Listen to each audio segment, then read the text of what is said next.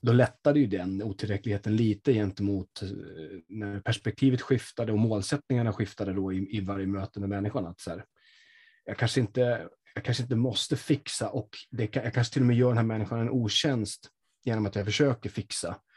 Eh, självklart då så är det olika typ, typ av smärttillstånd och människor man möter också.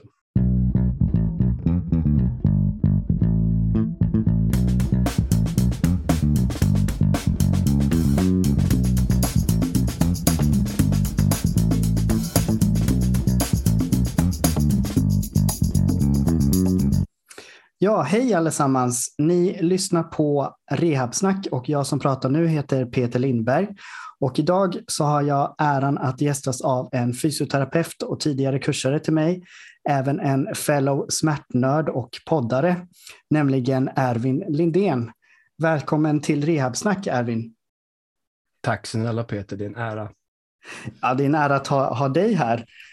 Um, hur, hur är läget med dig? Jo, det är, eh, det, det är bra under livets omständigheter som jag säger. Man brottas med att vara amatörförälder till två barn och heltidsjobb och sådana grejer. Så att, jag, eh, ja. jag, är, jag är mäkta imponerad, som jag sa till dig innan, att du hinner med allting. Liksom, jobba heltid och eh, två småbarn och, och podda och, och annat som kan vara i livet. Ja. Som tur är det är mer, det bär, mycket bärs ju av att det är meningsfulla saker.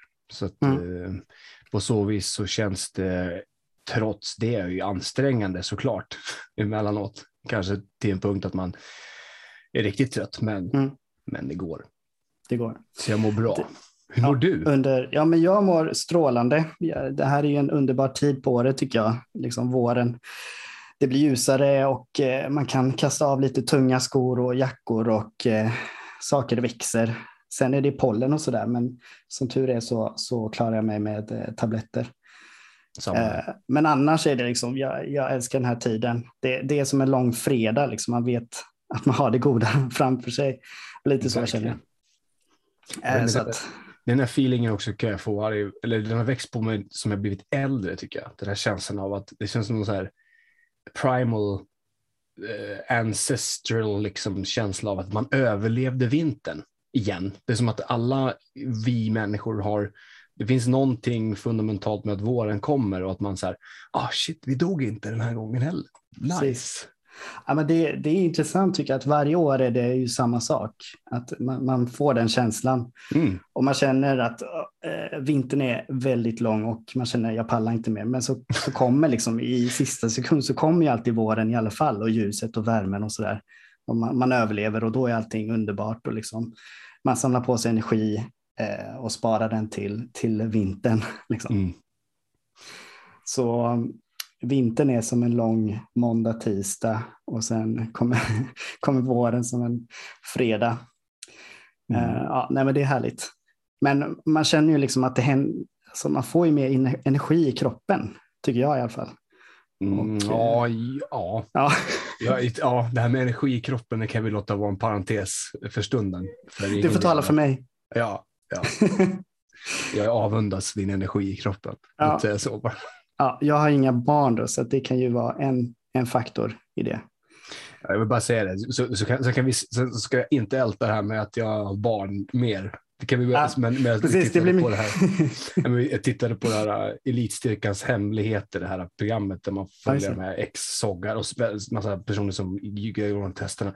Och det de återgång kommer till, till det här, vi pressar de här rekryterna för det är tufft under eh, väldigt lite sömn och man vet aldrig när man får sova och väldigt lite Det där är ju småbarnsåren. Vad är det här? För det, det de tvingas att göra, det känns ju som det man gör i så här, typ tre år. Och så, så, så känns det. Mm. Och sen går man och trä eller jag som är dum i huvudet då, går och tränar och utsätter mig för fysiska prövningar. Då får man skylla sig själv också. Man kan ju sitta och äta chips och mesta delen av tiden också. Då är det ja. lite lättare. Precis. Du, eh, det här är ju en eh, ny position. Har du varit liksom gästat någon podd tidigare?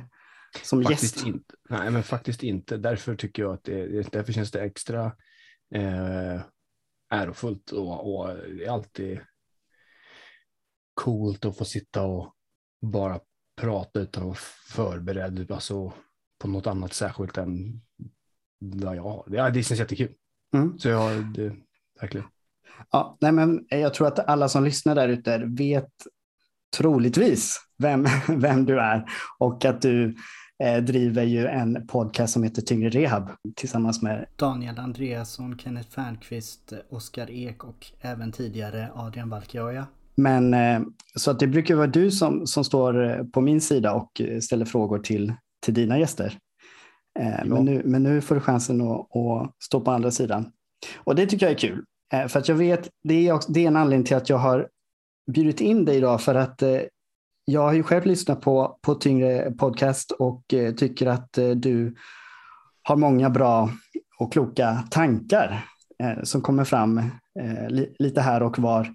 Tack. Och då hade det varit kul att, att bjuda in dig och få höra att du ska kunna vara i gästposition och, och få tala ut lite mer. så. Mm. Lite så tänkte jag. Se om tankarna har om de har något, något stoft eller om det, bara, om det bara är coola ord jag läser till. Nej, det tror jag inte. Eh, förresten, eh, grymt jobbat med er eh, podcast Tyngre Rehab. Eh, väldigt imponerad. Ni, vad är ni inne på nu? Liksom? Det, hur länge har ni kört? Tack, ja, tack så jättemycket. Och också tack för någonstans, jag vet inte om man kallar det konkurrens inom poddvärlden, det är väl inte så, men vi har ju samma teman och sånt där. Eh, så det är också stort av eh, ändå lyfta en annan podd i, i din egen podd. Det, det, det vill jag ändå säga är stort. Vi har väl hållit på kanske nu i tre år. Något tror jag, eller ah, jag har faktiskt tappat tidsperspektiv ganska mycket, men vi, vi är uppe i snart 160 avsnitt och det är åtminstone två avsnitt per månad så sent som några, ett halvår tillbaka och innan det så var det fyra per månad. Så, så får man räkna själv. Men jag tror att det är mm. någonstans kring tre år. Ja, det är väldigt imponerande. Eh, framförallt den här eh, att ni har varit konsekventa och eh, fortsatt. Det, det, kän, det känns lätt att dra igång projekt, men sen att hålla igång dem under en längre tid, det är desto svårare. Eh, speciellt när det kommer ja, med barn och, och, och sådär. Eh, mm. Som, som många av er i podden har. Liksom. Ja, tack.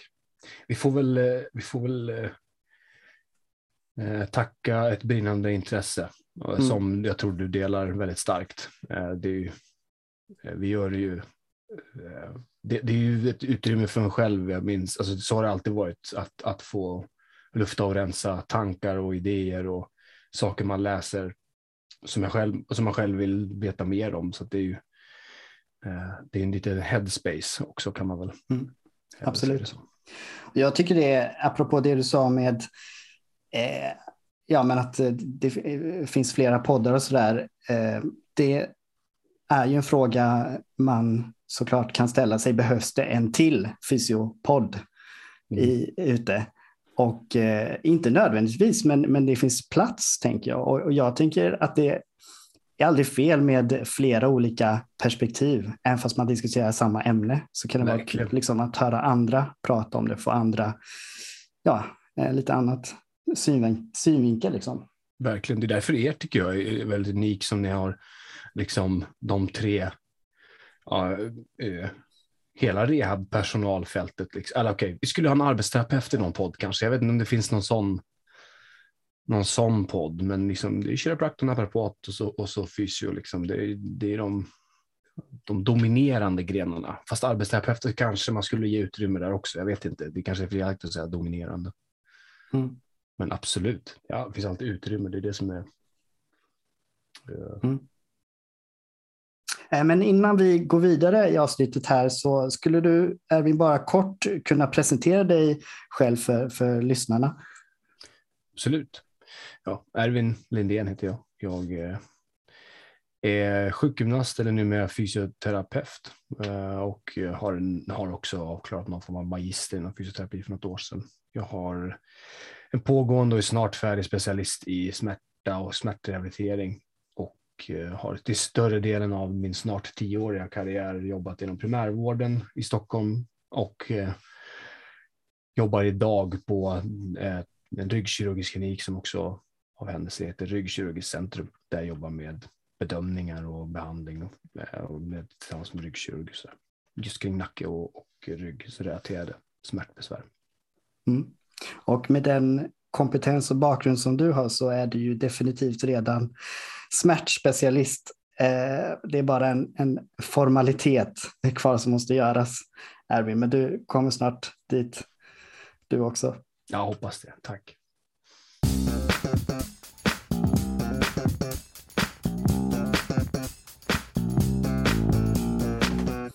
Ja, om vi skulle hoppa på dagens tema då, eller tema och tema. Eh, jag som sagt har bjudit in dig idag för att eh, eh, prata lite med dig, ha ett litet gött snack eh, med en annan smärtnörd. Liksom. Vi skulle kunna prata hur mycket som helst kring, kring det.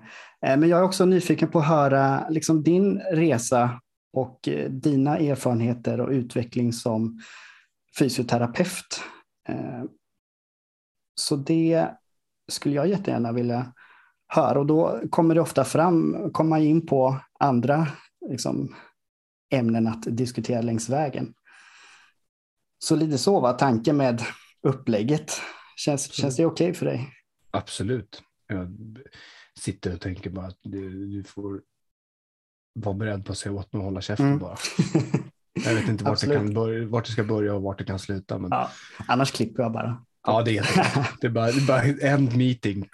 Ja, nej, men en annan sak som, som eh, en anledning till att jag bjudit in dig, dig är för att jag vet ju att du själv har och har haft besvär med smärta i kroppen.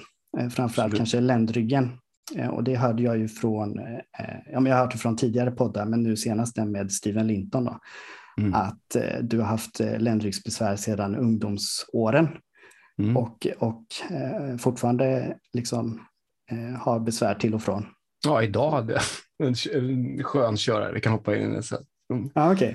Upp och ner, upp och ner. Ja, nej men för det tycker jag, jag tycker alltid det är intressant och vad ska man säga, eh, värdefullt att få höra terapeuter, alltså vårdgivare som, som själva har varit patienter eller själva har dragits med olika typer av besvär, eh, sjukdomar eller smärta.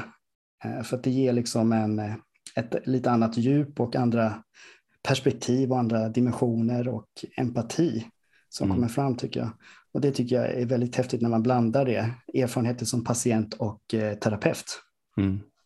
Jag håller med dig. Jag eh, skulle väl säga att eh, om jag ska blåsa i min egen eh, tuta eller någonting så tycker jag att det är en av de Eh, visst, man har massa utbildning och så vidare, men jag tycker det är en av de eh, eh viktigaste erfarenheter jag har i att hjälpa folk, tycker jag. Eller så något av de, någon av de eh, man kan förstå. Det är lite som jag vet inte, kockar någonstans. Så det, det är så här, du måste ju smaka på maten du bjuder på. Eller gör du inte det eller har någon idé, du kan inte, nu är det ganska givet då såklart att man, man smakar på maten, men, men eh, man har man har ju en annan erfarenhet såklart. Man har, man har en delaktig erfarenhet, inte bara liksom jag tror jag och Adrian, Adrian kommer, han kommer få utrymme på något sätt. Det går ju svårt att inte prata om Adrian ibland som eh, vi båda känner, men eh, vi har pratat om det här vad det finns för olika typer av vetskap. Alltså en sak det är bara formell mm, teoretisk vetskap, sen har du liksom vetskap som är Eh, man måste vara upplevelseorienterad. Du kanske liksom inte kan fånga det med teoretiska koncept eller sånt där. Jag tänkte på det här om dagen bara när jag, när jag, eh, när jag, när jag haft ont. Bara hur det här känns, hur det känns i kroppen utan att sätta, försöka förklara det eller någonting. Men bara också som när man utför en rörelse. Jag tänkte på det här, jag håller på att stå på händer en del, försöker göra knasiga grejer upp och ner. Och så just hör jag bara, in, när jag insåg hur, det, hur hur det är att hamna i en känsla i kroppen. Som inte, det, alltså det går inte att, jag kan inte förklara det här för någon. Jag måste bara bjuda dig på, eller jag, liksom, jag vet bara att så här, det här är, jag försöker upp, åter, återskapa en känsla när jag ska göra det här istället. Ja, det, är, det är lite abstrakt. Mm. Eh, förresten, nu när vi pratar om det så kommer jag att tänka på, jag ville bara påpeka i ditt avsnitt med Steven Linton när du eh, eh, Eh, pratar om det här med embodied fear. Just det. Mm. Det tyckte jag var ett jäkla bra, en jäkla bra term. Hade du liksom läst det någonstans eller kom du på det själv? Uh, med, med risk uh, för Ja, just det. Mod, ja, med, med, risk för att, för att uh, försäga mig. Eller säga. Det är förmodligen någon annan som kom på det. Jag har inget minne av att jag har läst det någonstans. Det var nog bara ett sätt jag satte ord på ja, egentligen ja, något mm. annat. Men, men uh, det, det, de, har, de som forskar mycket på det här, bland annat Steven Linton och de han har varit uh, tillsammans och jobbat med, har nog använder sig nog lite av det. Mm. Ja, men det används ju i lite andra former också, som embodied identity tror jag också mm. finns. Nej, men jag, jag, tycker om det ordet för att det eh, for, eh, kapslar in liksom det kroppsliga också, sammanvävt ja. med det själsliga och mentala på något sätt. Ja, verkligen. Det ordet är också ett ord som har växt på mig med åren, just det här förkroppsligandet av saker, utan att, utan att då på något sätt jag vet inte, det, av någon anledning så, så, har det ordet en annan legitimitet än att man somatiserar, eller det ord som vi har liksom i, i, medicinska utbildningar fått lära oss att det har någonting med att man ja, när det, när det, det blir så dualistiskt. Vi kommer väl kanske använda oss av termer ibland. Du får säga till om vi måste utveckla vissa termer, men att vi, eh, där vi du och jag kanske delar ett, ett, språk där vi förstår varandra vad jag menar. Men det blir lite så här mind-body dualism när man pratar med sådana termer jämfört med när man pratar förkroppsligande och en body. Då är det, då är det mer modernare termer och biopsykosocial, biopsyko, spiritu, liksom identification ja. i det hela. Exakt.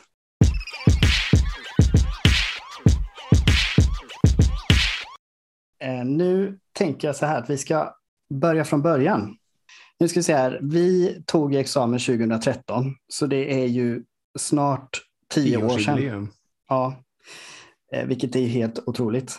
Mm. Eh, och då är det ju, har det varit liksom en, en resa och utveckling för, för oss alla.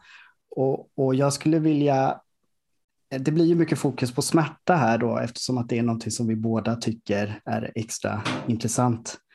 Du är um, precis färdig specialist. Du ska vi, kan du sätta in sån här, hurray, Ja, precis. Jo, nej men det, tack. Det, eh, det är som att fylla år, alltså man är ju inte förändrad, man är ju samma. Man får bara liksom en, ja, en level up. Ord. Ja.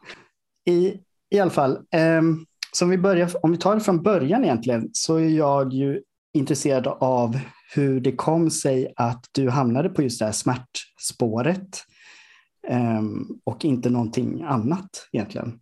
Vad var det som uh, fick dig att komma in på det från början? Ja, um, här får du hjälpa till mig och, och, och, säga till när, när jag börjar vandra på villovägar. Men, men jag tror inte jag har, jag tror inte smärtspåret på det sättet som jag eller du och jag just idag pratar om det var det jag tänkte mig.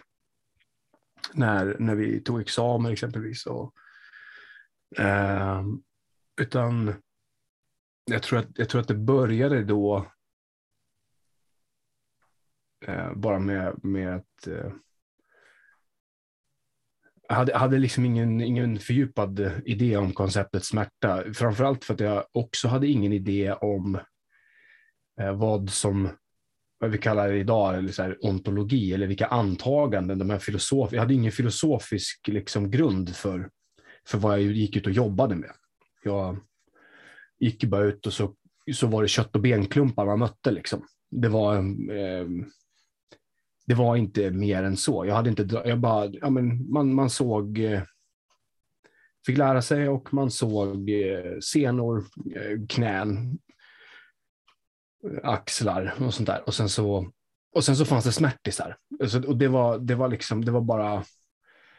Eh, jag brydde mig jag ska inte att jag brydde mig om dem. De dök ju upp i ens tidsbok när man började jobba i primärvården såklart. Människor som hade ont överallt och på flera ställen. Men, men eh, jag minns att jag försökte också bara så här, ah, men okej, vilket, vilken kött och benklump vill du ha hjälp med då som jag ska fixa då? Det är också en sån där ontologisk eller eh, Ja, men identitet, det är också en identitet man, man eh, uppfostras till att skapa det. Man har gått någon utbildning. Så här, det, här, det här tror jag att jag handlar om som vårdgivare. Och, och det är också så här, jag har tänkt på det, är lite sjukt med tiden tio år senare, men, men också hur den här identiteten, eh, ovetandes om att jag hade skapat mig eller fått hjälp att skapa den här identiteten om att vara en fixare eller någon som, ja men lite mekaniskt, det låter in, inte riktigt som en bilmek, men man, lite som en ortoped jobbar, eller man, tror jag, om man någon sån idé hade. Eh, och på den banan så, jag vet inte om du förstår hur jag, hur jag menar, men det var kött och benklumpar, att de här olika vävnads, det var mycket vävnadstillstånd liksom, som som självklart, eh, det var så jag förstod smärta. Mm. Olika typer av vävnadstillstånd och eh, så spenderade jag väl först och främst eh, väldigt mycket tid till att jag är så som person. Jag, jag, eh, jag har insett att jag kan använda mig av ordet. Jag är, inte, jag är en teoretiker. Eh, jag är väldigt, väldigt, väldigt starkt lagd åt det hållet i alla fall. Fot djupt planterad i, i det träsket liksom. Mm. Eh, så jag tycker väldigt mycket om att förstå saker. Eh, mm. Och, ja. Ja, jag, får jag bryta in där mm. lite? För att just, jag tänkte på det du sa där med, med kött och ben och, och sådär. Eh, att, eh, för du, du och jag och några andra, vi, vi gick ju OMT steg 1 eh, mm. parallellt i, i sista terminen på sjukgymnastprogrammet. Och eh, jag kan tänka mig att vi hade en, en liknande, liknande mindset just då, att det kändes rätt häftigt och spännande med den manuella delen i både undersökning och behandling. Liksom att man, eh, man tränade sina färdigheter med händerna. Och blev, alltså, jag, ville ju, jag ville ju bli en skicklig terapeut med mina, med mina händer. Jag ville bli bättre på att undersöka komma fram till vad som var problemet och även kunna behandla, liksom, kunna erbjuda någonting som gav en snabb hjälp till patienter. Alla, vi alla vill ju liksom, eh, hjälpa patienterna på, på bästa sätt. Mm. Um, men, men just det där att eh, jag tror att många fysioterapeuter, eh, studenter, eller att man går in med kanske eh, en liknande tanke, att man vill eh, eh ja, lära sig just det, det manuella, att man höjer upp det lite som, som någonting som är, är viktigt att, att lära sig. Um, och som vi pratade lite före här, att jag tycker det är intressant om man tittar på ja, men, kända namn inom, inom smärta och fysioterapi som Louis Gifford, Peter O'Sullivan, Lorimer Mosley, Greg Lehman med flera. Eh, alla de har ju liksom en, en bakgrund i det manuella och började som manuella terapeuter med, med stark liksom, eh, eh, preferens mot, mot det och sen har utvecklat och, och, och vad ska man säga, komma vidare. Men de har ändrat lite perspektiv över, över tid om man säger så. Mm. Eh, till att kanske gått från lite mer biomedicinskt till lite, och biomekaniskt till lite mer biopsykosocialt eh, holistiskt eh, tänkande på något sätt. Ehm, jag vet inte om du håller med om det? Jo, ehm, absolut. Jag är och då, bekant med, jag känner igen vad du menar. Så. Ja, och då är, då är det ju... Eh, och det, jag tycker det som jag tycker är intressant också då när man har gått mer mot det här biopsykosociala och förstår att det är mer som, som spelar roll och mer som händer i, i kroppen gällande smärta mer än just eh, vävnadsskador och, och sådär, är att det, det, det, är svårt att gå tillbaka till det gamla tänket. Mm. Och, och den här eh, analogin med The Matrix som du, som du har sett eh, när Neo blir erbjuden att ta ett blått piller eller rött piller där det blåa är liksom att han vaknar upp och, och glömmer allt som hänt och fortsätter leva i, i, i sin bubbla. Eller, eller den röda och få upptäcka liksom verkligheten. Att det, att det kändes lite så tycker jag när man, när man läste mer om smärta och förstod att det handlade mer om eh, mer än bara eh, kött, kött och ben. Liksom. Mm. Och, då, och när man väl har förstått det så är det svårt, eller då kan man inte gå tillbaka. Um, Nej, det... Man, man kan... jag bara tänkte, häng, jag, när, när, du, när du berättar om det här så tänker jag på en grej. Jag, vet inte, det, jag säger det nu för tiden att jag tycker att typ mina barn har lärt mig mer om smärta eller, eller det man lärt mig många saker än vad alla kurser har gjort hittills. Men jag tänker på om man bara använder ordet uppväxt eller fostran eller något sånt där. Om man då tänker bara på hur de flesta barn eller människor, självklart beror det på vilket land man är i, och så där, men det finns ju, en, finns ju en norm hur man blir uppväxt eller man, man blir uppfostrad på ett visst sätt. Man pratar om trygg uppfostran och trygg uppväxt. Då är det vissa, man får lära sig vissa saker. Så här är världen. Så här ser världen ut. Så här bör du vara. Så här bör andra människor vara emot dig och så där. Och sen så, eh, så att man har några grundmodeller att utgå ifrån. Men sen, och sen Sen kanske man väljer att utforska eller man lär sig att så här okay, de här grundmodellerna säger ju inte allt. Eller jag, jag, min uppväxt var ju inte liksom, det fanns, världen var ju större än så uppenbarligen. Men sen vill man ju, och så kanske man, man reser någonstans eller man träffar andra människor, man får in nya input och så märker man shit, livet och världen är mer än vad jag hade fått veta innan. Men samtidigt behöver man ju någonstans att åka hem till. Man behöver ju också, här, även fast jag älskade att vara min första resa i Thailand och kulturen och människorna där var helt fantastiskt. Men jag bor ju i Sverige, jag är uppväxt som svensk. Jag bör bete mig på det här sättet. Där tycker jag någonstans att det, nu blir det lite, jag vet inte om det är svajiga analogier här, men, eh, men det, det, jag har tänkt på det en del sedan eh, vi tog examen och det här med att vi pratar, som du nämnde ordet identitet, man bygger en identitet, identitet som vårdgivare. Eh, vissa ser det nog kanske bara som ett jobb, såklart. Det, det är bara ett jobb. I don't give a shit. Alltså så här, jag, jag går bara och... Eh, men eh, eh min idé av en vård, då...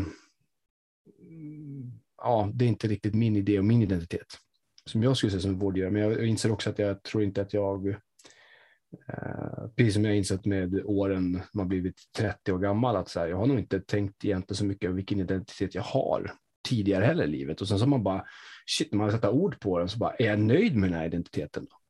Alltså så här, tycker jag att passar den här mig? När jag börjar förstå att min, den identitet som jag försöker trycka på världen eller som jag försöker leva efter kanske inte heller överensstämmer med de problem jag möter eller den värld jag lever i. Liksom. Och då blir det ju en clinch. Eh, ja, jag vet inte om du hänger med på vad jag tänker. Mm. Jo, eh, nej men absolut. Som då, eh. bara för att snabbt ta oss tillbaka, då. Mm. man, man eh, det är ganska normalt att bli uppläx, uppfostrad inom en, en vårdutbildning inom den biomedicinska modellen och liksom, eh, ungefär hur kroppen och, och sjukdom fungerar. Eh, mm. och, och, och med, hur människor fungerar och så ska man jobba efter den. Eh, mm. Men, men det är inte allt. Nej. Jag undrar ifall du har liknande upplevelser som jag. Eh, just att det, det kom lite med det kliniska, att man man jobbade på när man var ny och eh, liksom hade de verktyg och metoder som man hade då och, och eh, jobbade på. Och sen insåg att eh, det inte alltid fungerade som man hade tänkt. Man gör mm. allting rätt eller vad man tänkte var rätt. Och gör jag A eh, som borde leda till B, men, men det blir inte så. Eh, vad är det som jag gör fel? Mm. Och att där någonstans startade liksom, eh, vad är det jag gör fel egentligen? Finns det någonting annat? Vad har jag missat? Det var någonting som, som startade för mig, liksom att jag måste lära mig någonting mer. Det här mm. med smärta till exempel, när, när man träffade eh, patienter med långvarig kom, komplex smärta. Liksom. Jag gör allt vad jag kan, jag blir helt drainad på energi, men de mm. blir inte bättre. Vad gör jag för fel? Liksom? Vad, vad kan jag göra mer? Mm. Så det var, för mig var det lite startskottet. Eh, och, och sen liksom, eh, ja men då, jag kommer inte riktigt, jag tror att det var Adrian som, som tipsade mig om Lorimer Mosley från början. Och det var också en början på, på min resa till att bli eh, smärtnörd. Liksom. För det var ju ett helt annat sätt. Jag hade sett något liknande innan. Mm. Det var ju, ja, men jag kollade på Lorimer Mosleys eh, vad heter det, föreläsning, det här klassiska, liksom när han går i skogen. Ja, ja. Mm. precis.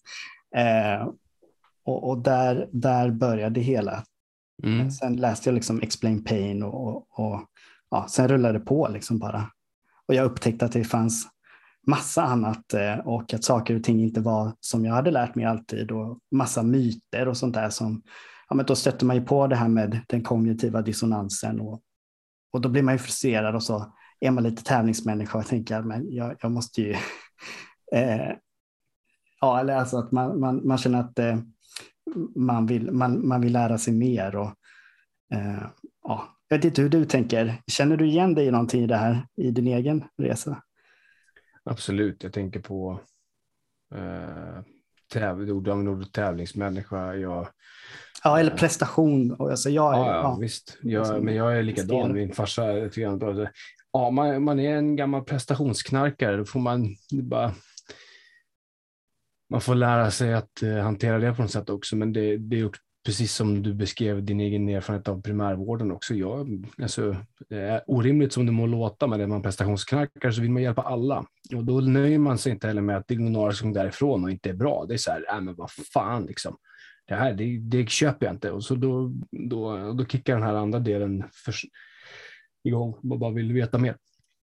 Uh, men precis som du säger, jag har också haft några absoluta influenser på uh, som har liksom fått mig att tänka mer och uh, verkligen ringt i de här kognitiva dissonansklockorna. Eh, jag tycker framförallt uh, med åren, jag minns inte om det var Lorimer Mosley som fick mig, den, den stora, stora förändringen för mig var nog att läsa Louis Gifford. Uh, det var liksom, ja det var någonting, men det, var, men det hände, det var också i någon mischmasch med, med många andra saker som pågick i mitt liv. Samtidigt hade jag en jättejobbig knä jag tror att det var, du hade ett jättejobbigt knäproblem över flera år som, eh, som drev mig till att eh, bara så här, fan, saker jag har lärt mig stämmer inte för att det här knät som jag har problem med eh, följer inte någon mall. Eh, ingenting som jag har lärt mig och inga jag träffade, eh, då gick jag också och sökte väldigt mycket hjälp, specialister och alltihopa. Det, bara så här, eh, det är ingen som har svar och då är det så här, fuck det här, det, det, jag måste ta reda på vad det här handlar om. Eh, men ehm, Ja, det är väl en del, en del, av, en, en del av vägen. Mm. För du och Adrian, ni startade ju det här Talk about pain, TAP, mm. innan tyngre rehab, eller hur? Just det. Mm. Och ni liksom, eh, ja, ni höll ju också föreläsningar då. Eh, så, så ni var ju eh, smärt, ja, med smärtnördade där då med, med det. Mm. Eh, vad var det som fick er att eh, göra det? Att komma, hur kom ni på tanken att starta det här? Talking about pain. Ni vill sprida mer kunskap om smärta i, liksom, i Sverige och till, eller? Ja, absolut. Vi, både jag och Adrian är väl, har väl också lite där visionärslagda, liksom man vill göra stora saker också. Eh, det går ju ihop lite med prestationsknarkare kanske. Men, eh, men också det faktum att vi ja, men, som du och jag delar. Man, man hade mycket tankar om eh, också man filosofiskt lagd, teoretiker, man tycker om att prata och tänka väldigt mycket. Och så eh, märkte vi återigen man, i de forum man försökte få utlopp för de här tankarna och funderingarna på jobbet eller med andra kollegor så var det ju väldigt mycket väggar man mötte. Det var liksom ah, knepiga frågor du kom med. Fan, kan vi inte bara äta lunch typ? Eh, eh eller bara, ja men, nej, men så här. Ja, tyckte aldrig man kom någon vart och så eh, träffades vi och pratade mycket och så eh, kände vi väl att vi behövde liksom skapa en kanal för det här för oss själva och sen samtidigt på det så kan man ju kanske göra någonting för andra människor också. Det blev Talking about pain och så eh, på den vägen eh, så har egentligen tyngre rea blivit liksom egentligen bara en förlängning av den kanalen men med stöd av and, lite flera. Mm. Ja, men det där kan jag verkligen känna igen att man ehm, eh, har ett stort intresse och känner ett behov av att prata med folk om det.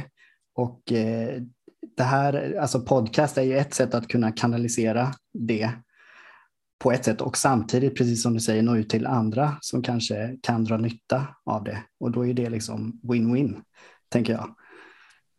Ehm, um, okay. Och vi har, ju, vi har ju haft kontakt via sociala medier i forum och sådär och det tycker jag också har varit en, en stor hjälp till mig i, i min utveckling, att man har kunnat bolla frågor med, med andra som är villiga att lyssna och mm. kan bolla tillbaka lite. Eh, och som värdesätter just det här kritiskt tänkande och att, eh, eh ja, men, att utforska olika perspektiv på, på saker och ting. Mm. Och det är väldigt inspirerande när man, man, man, man inspirerar ju varandra när man eh, ja, pratar så. Verkligen, jag har en ganska stark upplevelse och det låter lite sektigt tror jag också, men, men eh, det ligger ju lite i mäns, människans natur att eh, ett behov av tillhörighet. Vi har ju grundläggande behov och ett av dem är ju tillhörighet eller känslan av sammanhang eller vad vi kallar det. Men jag kommer ihåg när vi var på eh, varför också samma känsla av sammanhang kan få en att hänga med massa jävla idioter. Man kan ju, därför folk tycker om att bli nazister eller dum, alltså andra idiotsammanhang. Men eh, eh, var på sen, nej, Pain Cloud Convention med Adrian eh, för några år sedan i Norge, en, en smärtkonferens helt enkelt. Och så bara så här, jag kommer ihåg att jag var väldigt, det var en så sjukt häftig upplevelse i min kropp. Jag minns när vi skulle åka dit så var jag väldigt, precis som dränerad. Det var, jag lagt ner mycket tid, mycket studier, mycket, det var, jag mådde inte bra ens. Alltså det var lite så här kanten på utmattning. Liksom jag tror jag varit eh, man ska vara försiktig framförallt när jag har fått det privilegiet att få träffa väldigt många människor som har gått in i väggen eller har manifesterade utmattningssyndrom så ska man vara försiktig med att säga att man har varit nära väggen men, men haft tunga stressrelaterade symptom liksom. Och jag kommer ihåg, jag hade det då, jag åkte till baden och sa, ah, fan, vi får se vad det här blir för resa. Det var en helg och man var, vi umgicks med massa likasinnande och det var helt sjukt. Det var som, jag minns att det var på typ den här tiden på våren. Och det var som en hel vinter och höst av bara mög, tung, tung psykisk belastning och mycket liksom arbete bara lyftes. Det var bara så en enorm energikick av, av kontextet och människorna som var där och bara så här, shit, det finns andra människor som också har de här tankarna som jag tycker tynger ner mig så mycket och, och folk som bara, och som är typ 20-30 år längre fram i tiden och bara, vi hör dig, vi ser och vi fattar och, och det händer grejer. Liksom. Och det var helt fantastiskt. Jag åkte, åkte den uh, eh, the power of context. Du, du fattar vad jag menar när vi pratar i smärtsammanhang så är det ju så här. Och socialt, den här sociala kraften som, som väcker vår biologi och har den här upplevelsen i kroppen. Där jag, bara så här, jag var helt, jag åkte, levde på moln. Och då var det en helg där det, det är konferens, man, man bor någon annanstans, man eh, eh käkar middag och man dricker liksom på kvällen. Man, det blir ingen bra sömn och man, man, det är alkohol involverat och det är tidigt på morgonen. Det är egentligen inga för, jätte återhämtningsförutsättningar, men ändå åker man därifrån och bara wow, wow vad nice det här var. Ja, det var helt sjukt eh, och det var. Det var en viktig del också minns jag. Mm. Vilken häftig eh, upplevelse och berättelse tycker jag. Jag skulle rekommendera både dig och, eller alla som lyssnar ja. som känner sig kanske lite där, där som jag känner mig i helgen och som jag fortfarande kan känna mig. Att man är dränerad. Man, är, man kan känna sig väldigt ensam alltså i, i det där. Alltså eh, i sitt filosoferande och grubb, gubblande kan det till och med hamna och bli. Det är väl tänkandet. Uh, att åka på sånt där, för det är ju det är verkligen det. Har du någon egen sån upplevelse Peter? Alltså så här, när man får det där sammanhanget och så. Um, måste jag tänka efter här.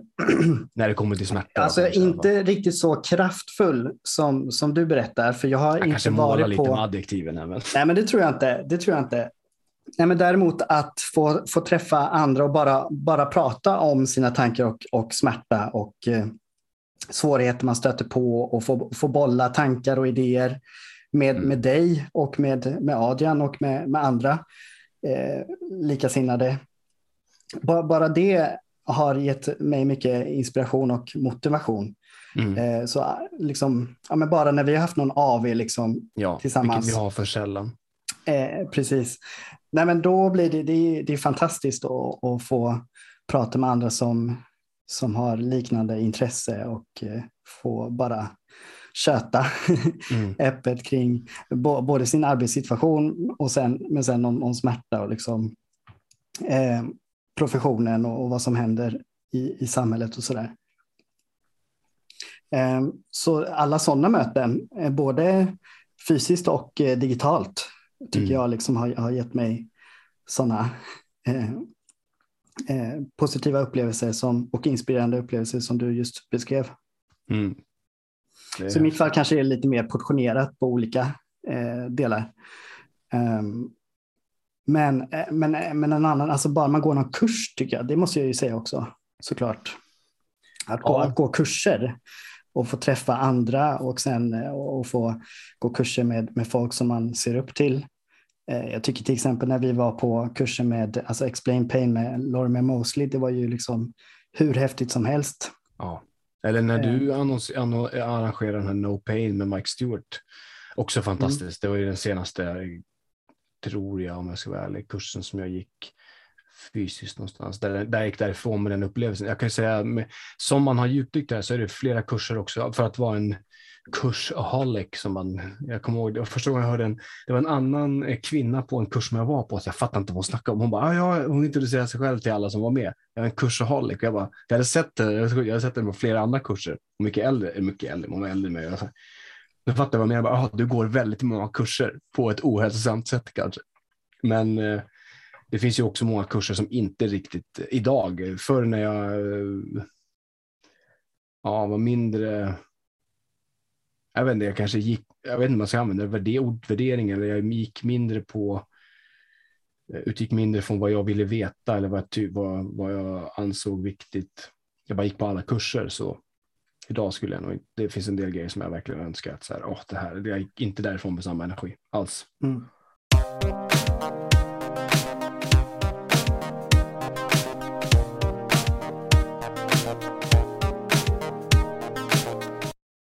Om jag får lov att backa lite grann då, för jag fastnade lite med på det du sa, eh, just det här eh, ja, men när det var mycket för dig och du var dränerad, att eh, du gick runt med många olika tankar och sådär. Och det, att det liksom släpptes när du var på den här konventionen. Eh, kan du ge något exempel? Vad var det för tankar som du brottades med eh, kopplat till det kliniska arbetet och dig som terapeut och så?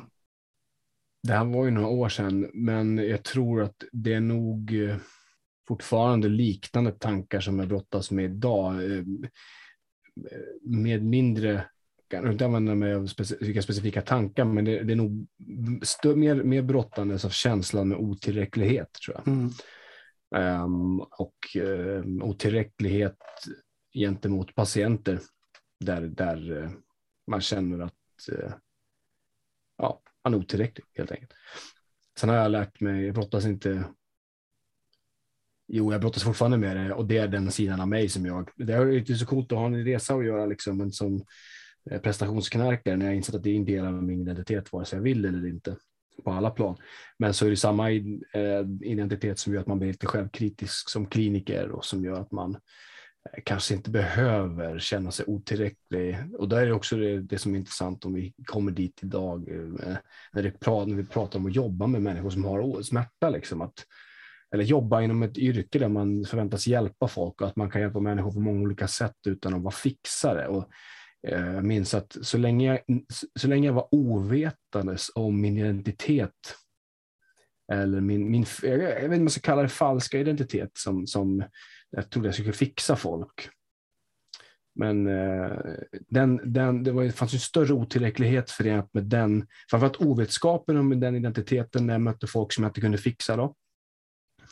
Men sen när, det, när jag in, liksom eh, insåg att jag kanske hade den identiteten eller jag blivit uppfostrad att tänka och vara en sån typ av kliniker så förändrades ju då lättade ju den otillräckligheten lite gentemot eh, när perspektivet skiftade och målsättningarna skiftade då i, i varje möte med människan. Att så här, jag, kanske inte, jag kanske inte måste fixa och det, jag kanske till och med gör den här människan en otjänst genom att jag försöker fixa. Eh, självklart då så är det olika typ, typ av smärttillstånd och människor man möter också. Samma här, det här är också så jävla intressant skulle jag säga. När jag, mina egna erfarenheter av haft eh, vissa, framförallt de gånger jag sökt för smärta, egentligen så var det nog bara mitt knä, men, men där jag eh, själv ville inte bli fixad riktigt insåg jag med tiden. Att, för jag, jag kommer ihåg, jag hade ett, eh, jag skrivit en artikel om det här, men just mitt knä, men jag har inte skrivit om det jag kommer sen nu kanske, men det var så otroligt eh, emotionellt prövande och, och, jag minns att smärtan på en VAS-skala alltså det var inte alls problemet jag hade med knät. Det var snarare allt annat som det här fick mig med mitt knä. Det var krocken med min identitet. Jag var så ledsen. Jag var så um, jag var ledsen och, och vilse. Jag, jag, jag mådde liksom inte bra i det här och, och, och, det var ingen som bemötte det. Det var ingen som frågade mig hur jag tyckte, tänkte och kände kring det här.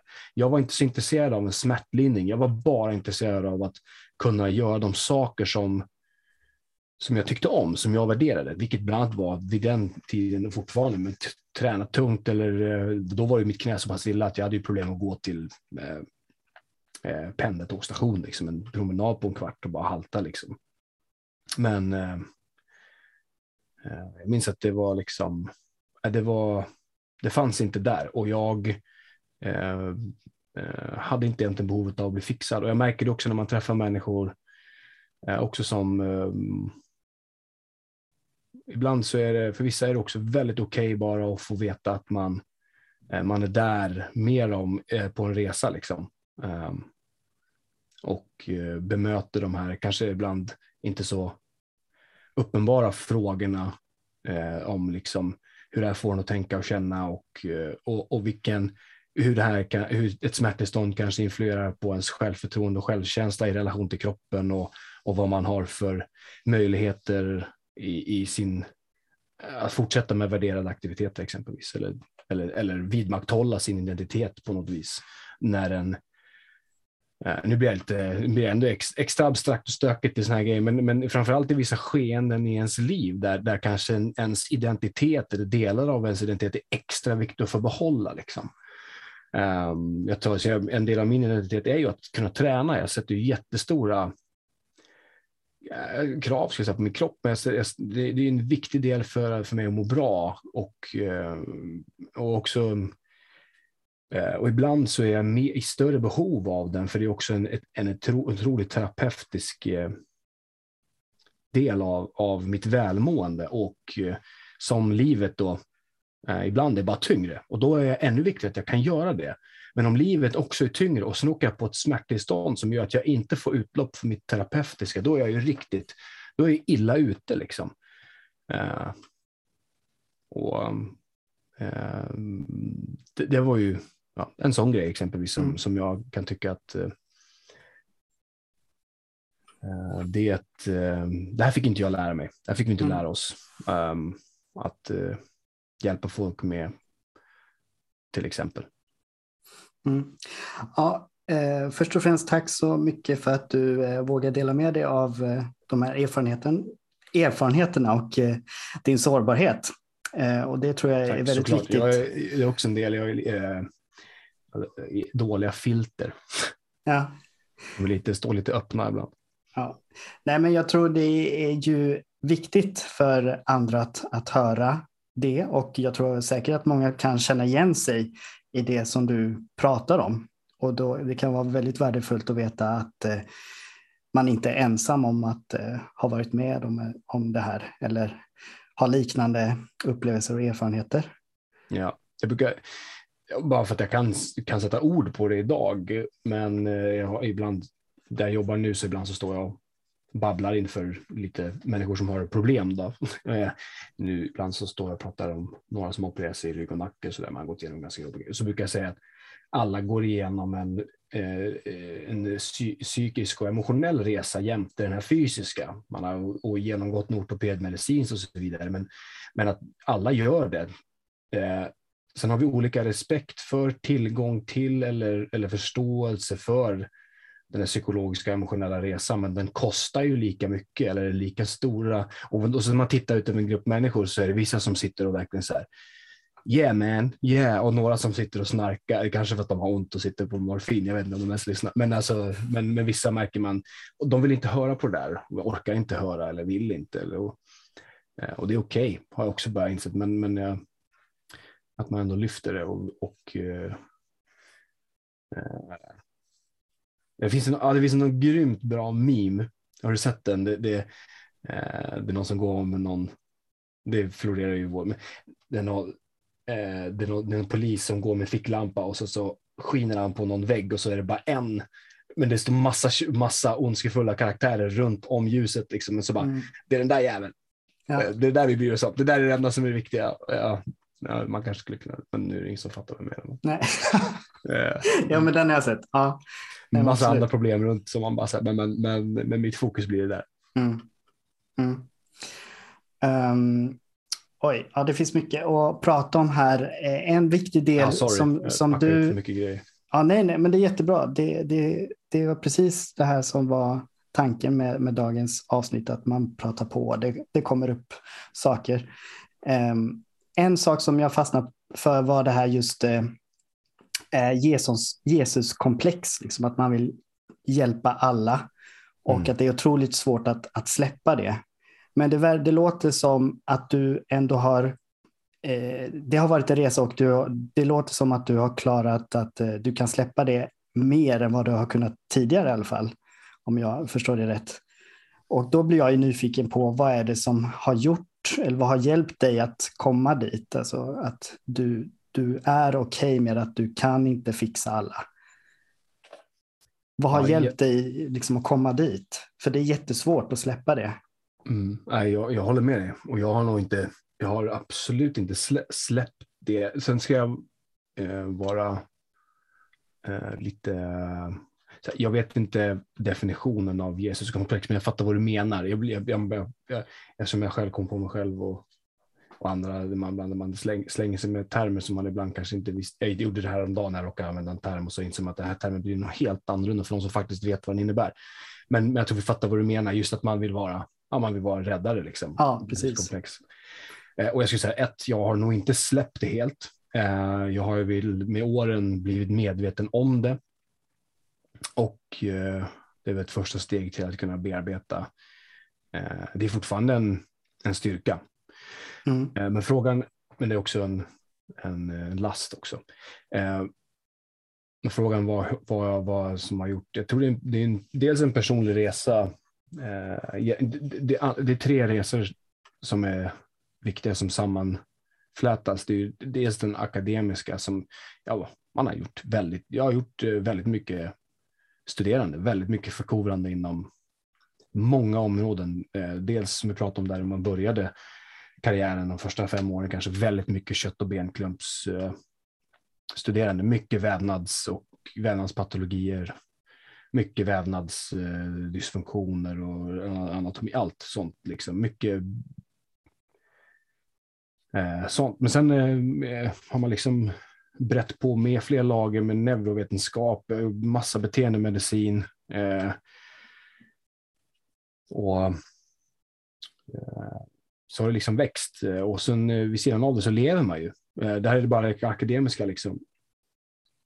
Eh, eller, och nummer två så är det man, en, en, en klinisk erfarenhet. Man, man har privilegiet att få träffa människor. En stor del av min vakna tid om året är ju att få sitta där och lyssna på folk, ta del av deras liv, undersöka deras kroppar och ha en åsikt och för, förse dem med teorier om vad jag tror att deras problem handlar om och prova ut dem någonstans kliniskt.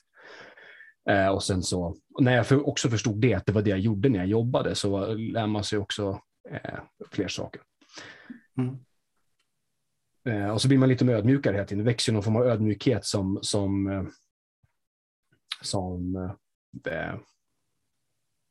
Eh, blivit viktig. Men, men, också en av de kanske viktigaste som, som vi pratade om lite där, det är att jag också haft många eh, smärttillstånd själv. Eh, som eh, långvariga och min, mer korta. Eh, som eh, verkligen motbevisat och det, nu kommer jag ju eh, förmodligen, jag ska försöka vara noggrann och säga när jag bara säger det här är bara jag spekulerar, men eh, jag bara, eh, göra det här lite snabbt posthockeyresonerande, resonerande liksom, för det är väldigt lätt att göra kring sin egen kropp och saker man, eller oavsett vad allt, liksom, att man drar lite felaktiga slutsatser om orsakssamband.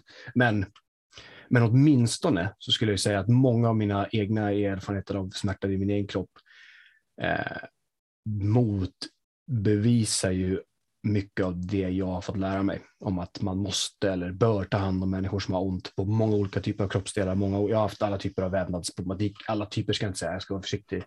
Jag har haft i alla fall senskador, sensmärtor, eh, ledsmärta, eh, oförklarlig ryggsmärta, eh, kanske förklarlig i vissa perioder, mindre förklarlig i andra perioder.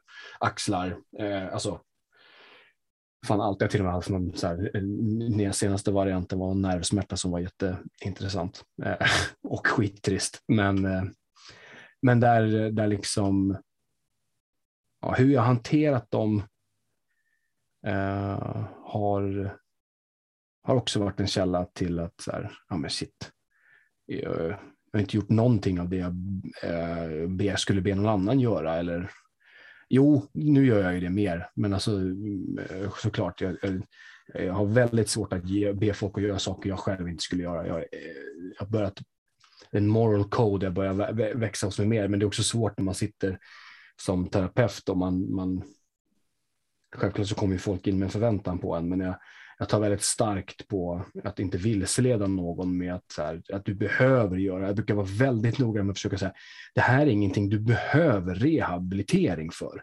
Alltså, det här är liksom ingenting du måste komma och träffa mig för, för då ljuger jag, eller om, om, jag inte, om vi inte har kommit överens om det, eller om personen har behov av det såklart. Eh, då tänker jag som ett exempelvis, du har en vävnadsskada som gör du inte den här och den här en hamstringssträckning eller någonting så här, det, det, kommer bli svårt för dig att återgå till tidigare form om du inte gör vissa, eh, följer ett visst eh, schema eller program. Gör du inte det så kan du inte förvänta dig resultat. Det, och då kan vi prata om en mer linjär formad eller rehabilitering. Enkel kanske i vissa, om man får använda det. Men, men i många andra smärttillstånd som man träffar så eh, vet jag inte, jag försöker vara tydlig med det här behöver du verkligen göra mm. någonting. Framförallt med tanke på att jag själv har haft många grejer så här, jag har skitit i. Eh, jag har inte behövt rehabilitering, men det, det, måste jag också vara ärlig med att säga eftersom jag kan väldigt mycket om vissa saker. Eh, men det är samma saker jag försöker hjälpa någon att förstå när de har ett smärttillstånd som, som så här, det här, det här kommer gå över vare sig du vill det eller inte, fast det finns saker du kan göra under tiden som gör att det inte inte kanske går över eller faktiskt blir sämre, de kan vi börja med att undvika. Uh, och då oftast ju, eller oftast, men i min egen värld så en, en väldigt viktig faktor har varit att fortsätta med livet så mycket som möjligt. Liksom. Att fortsätta göra saker som trots att det gör ont. Liksom. Den är mm. svår att pitcha till någon som inte alls har eh, en akademisk bakgrund eller en, en fördjupad förståelse för smärta.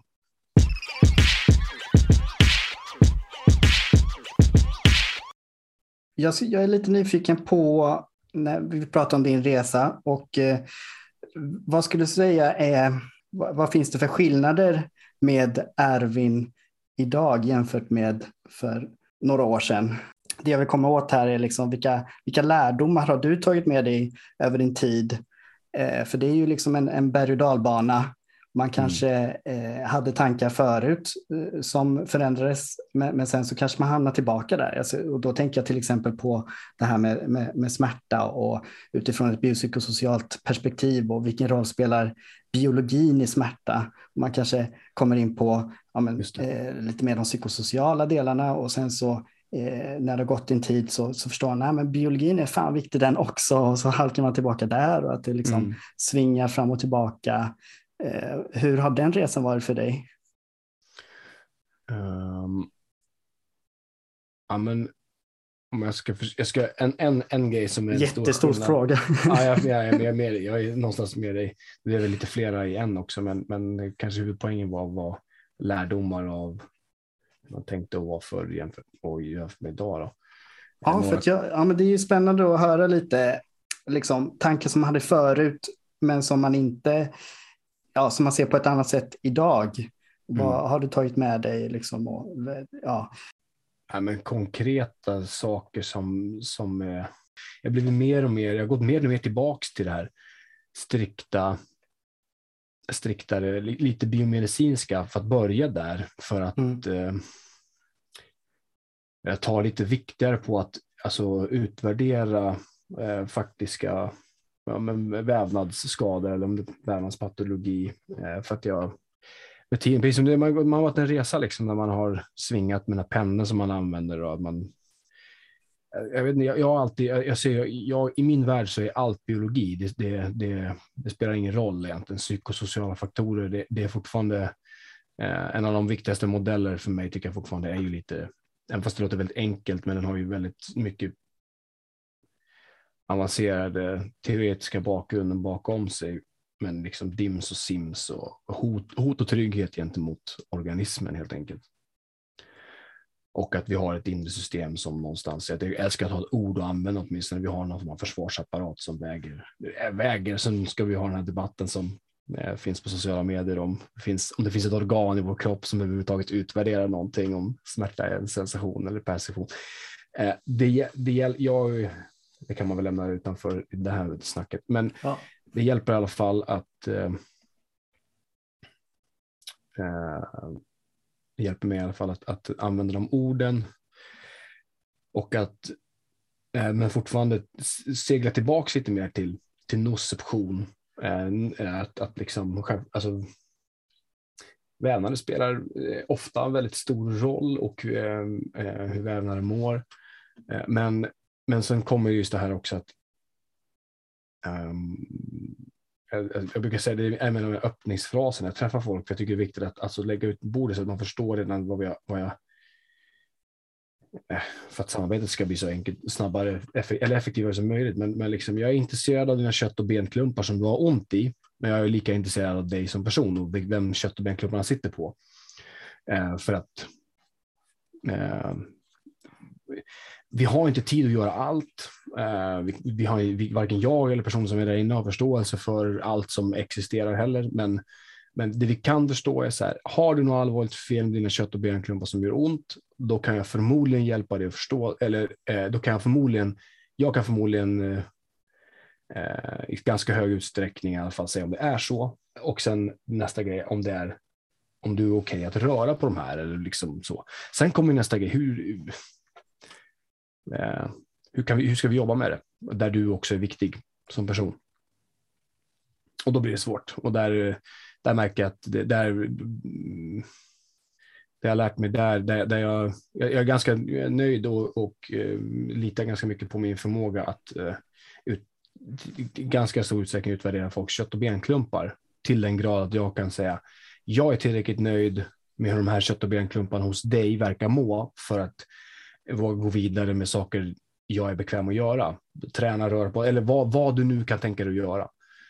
Men, ehm, men jag, ehm, vad ska jag säga, där jag fortfarande, där jag saknar verktyg, där jag fortfarande, där jag lär mig mest just nu, det är ju att hantera folk. Alltså människor som, som sitter, tänker och känner och, och, och har förväntningar. Och där finns det ju fortfarande väldigt mycket Eh, och också hur de här faktiskt spelar roll i biologin, i, i situationen. Hur de eh, inte influerar eh, det här är så, vävnaden i sig, men det finns en jag tänkte på en Kieran O'Sullivan, eh, fantastisk bild, en graf bara som säger så mycket om att man har en, en liksom, om vi bara, bara pratar om nociception, du har en, en tröskel eller som många slänger sig med i patienter som kommer in, man har en smärttröskel Eh, egentligen bara så här ett tröskel från vart ifrån dina nocceptorer vad jag väljer att skicka in, dundra in information.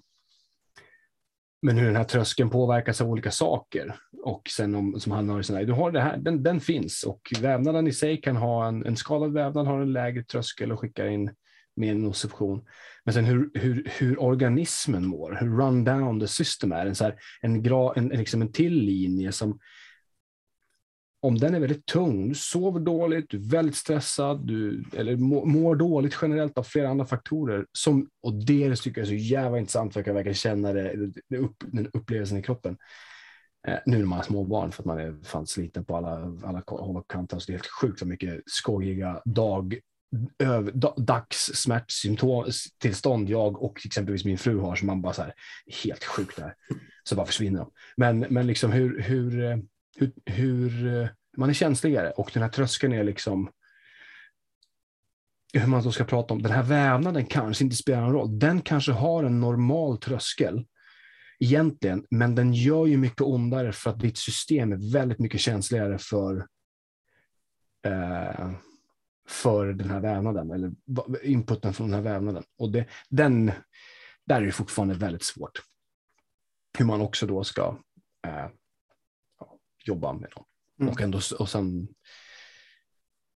eh, men det är skitkul om man lär sig och eh, just det att, att uh, arbeta på det här samarbetet med en person som jag tar mer, det är mer och mer att det är mer och mer försöka ära det ordet samarbete när jag jobbar med människor snarare än att jag gör saker på folk. Att det, vilket kan ha sin plats. Jag försöker fortfarande arbeta med att, eh, att göra eh, saker på folk. Det vill säga, jag kan göra manuell terapi, jag kan göra andra saker som vi i, i, i liksom skulle kunna bärsa i, eh, i andra sammanhang för sin evidens. Sticka någon nålar eller trycka på något eller eh, så. Men, men jag, jag gör det ju i så fall gör jag det i ett samråd med personen som är där. Och det, men det är också väldigt svårt. Eh, att, att ha ett samråd där vi har ett gemensamt narrativ. Där det är sådana jobbiga jävla termer jag använder hela tiden. Jag kan till och med komma på mig själv att använda de här termerna när jag sitter med folk, som, alltså människor som sitter och har ont, så är bara så här, förlåt för att jag stack iväg här, men bara så här, narrativ. Jag har ont i min axel, vad, axel, vad fan pratar du om liksom? Jo, men jag är intresserad av narrativet, varför du tror att det har ont. Är. Så, så här säger jag inte, men, men att vi åtminstone har ett gemensamt så här, typ, okej, okay, men jag kan prova manipulera din nacke här och, och, eh, och se om, och, och, och så om du gör den här lite särskilda rör, äh, aktiveringsrörelsen eller något sånt där baserat på, men, men om vi är, är överens om att det här är liksom ingenting som kommer jag vet inte, att vi har ett gemensamt narrativ att det handlar bara om att få det att kännas bättre så att vi kan ta nya kliv. Så är jag fine. Inte att så här, ja, du måste ha det här. Eller det jag gör, justerar, det är någonstans. Eh, och sen hur man stämmer av med någon som, som bara är där och ont, som inte har någon teoretisk bakgrund eller bryr sig ens om vad fan jag snackar om. Bara de är så här, ja, vi är på samma plan. Ja, men nice, då kör, då provar vi. Då är jag öppen för whatever, ta det vidare i livet på ett sätt som är hållbart. Mm. Ja, det var ett jättelångt konstigt svar mm. kanske. Jag vet inte ja. om, jag fick, om du fick något av det. Jo då. Jo, men det fick vi. Det, många, många kloka tankar som sagt tycker jag. Um, och jo, det jag tänkte på, det du sa med, med samarbete där, eh, att en skillnad om jag ser till mig själv och min resa, eh, eller eh, vad som är skillnad med, med mig då jämfört med tidigare är lite det här med att jag tidigare kanske värdesatte och blev mer tillfredsställd när jag kunde diagnostisera någonting eller behandla någonting mm. och få bra resultat. Jämfört med idag där, där jag värdesätter att kunna nå fram till folk och skapa en, en relation och en terapeutisk allians och att liksom få med folk på banan och att Verkligen. vi pratar samma språk och att de blir intresserade, man väcker ett intresse, ett engagemang hos en, en patient. Mm. Det är någonting som jag värdesätter mycket med. Då känner jag att jag har vunnit liksom i ja, det, det ger mig tillfredsställelse. Um, mm. håller, håller, du med där? Eller? Håller 100 procent. Um, och uh, det bottnar ju lite i Uh, nu ska jag inte säga att det bottnar i för din del, men det bottnar i för min egen del den här uh, med lite identitetsjusteringen eller liksom sakta identitetsglidet över tid. Att det jag förenade med någon form av positiv respons för mig själv eller vad jag gjorde med människor var ju väldigt, det var ju egoistiskt drivet. Alltså det var ju som du säger att eh, jag lyckades diagnostisera vad du hade för problem. Jag kom fram till eh, rätt slutsats eller någonting som gjorde dig bättre. Det var liksom, ehm, ja, det var, det var viktigt för mig. Um, och är fortfarande på ett sätt, tyvärr fortfarande lite viktigt. Jag tycker detektivarbetet i vårt jobb är ju fantastiskt. Men, eh, men vetskapen och ödmjukheten är för att det spelar, inte, det spelar ingen roll alls. Alltså i, i vissa fall så spelar det ingen, ingen som helst roll framförallt där jag, som med tiden som jag kanske träffar eh, av skäl, folk som har väldigt långa och, och jobbiga problem där, där folk eh, försöker öva på att, att eh, förstå För man märker att folk värderar verkligen bara att få, att få prata ett tag. Eh, och att man verk, alltså verkligen bara att någon lyssnar och eh, bry, eh, visar att man bryr sig och lämnar sitt ego utanför rummet. Det är väl inte riktigt det personen uttrycker eh, explicit kan man väl, men, eh, men, men, men att man eh, det är ett sätt att visa att man är där och inte har en egen agenda. Jag försöker vara väldigt tydlig också med vilken agenda jag har med mötena. Där, där, trots att jag har ju såklart en egen agenda, den är sekundär. Eh, alltid, men, men den är så, så långt jag kan. Och bjuda in till att personen som är där, som, som jag är till för att hjälpa, jag har, får sin agenda utredd först. Men eh, som du säger, då, då har det blivit tillfredsställande också. Man märker att man möter någon. Absolut, och det är samma prestationsknarkeri hos en själv som bara yes, man har bara flyttat måltavlan till något extremt mycket svårare och mindre mm. längre bort som man försöker skjuta en jättedålig pil på. Liksom. Eh, men eh, man slipar på sin båge och pil, sen så blir, träffar man sakta lite mer och mer och alltid går inte. Det är väl också den grejen jag tror att det har blivit eh, eller jag övar faktiskt eh, lika mycket som jag övar på att stå på händer så försöker jag öva på att vara snäll mot mig själv i att så här, shit. Eh, det är svårt det vi gör. Det mm. Människor är, mm. är eh, det är svårt att, att, att vara människa och då också är det svårt att jobba med människor. Mm. Så är det bara. Det tycker jag lät som en, en ganska bra avrundning på det här avsnittet. vi har ju bara skrapat lite på ytan nu på Jag tänkte att vi skulle hinna med hela din resa, men det gjorde vi såklart inte. Det var ju lite naivt. Jag vet inte ens om någon är intresserad Nej. av att lyssna på hela. Nej, då får de, man be- det behöver inte vara... dig att eh, ta in mig fler gånger. Precis. Nej, men eh, det behöver inte vara, absolut inte vara hela resan, utan det var, det var mest tanke att eh, vi, vi börjar och sen så eh, hittar vi saker att prata om. Och så kan man falla tillbaka till resan. Så det var precis, eh, jag tycker att vi nådde det målet med, med avsnittet idag.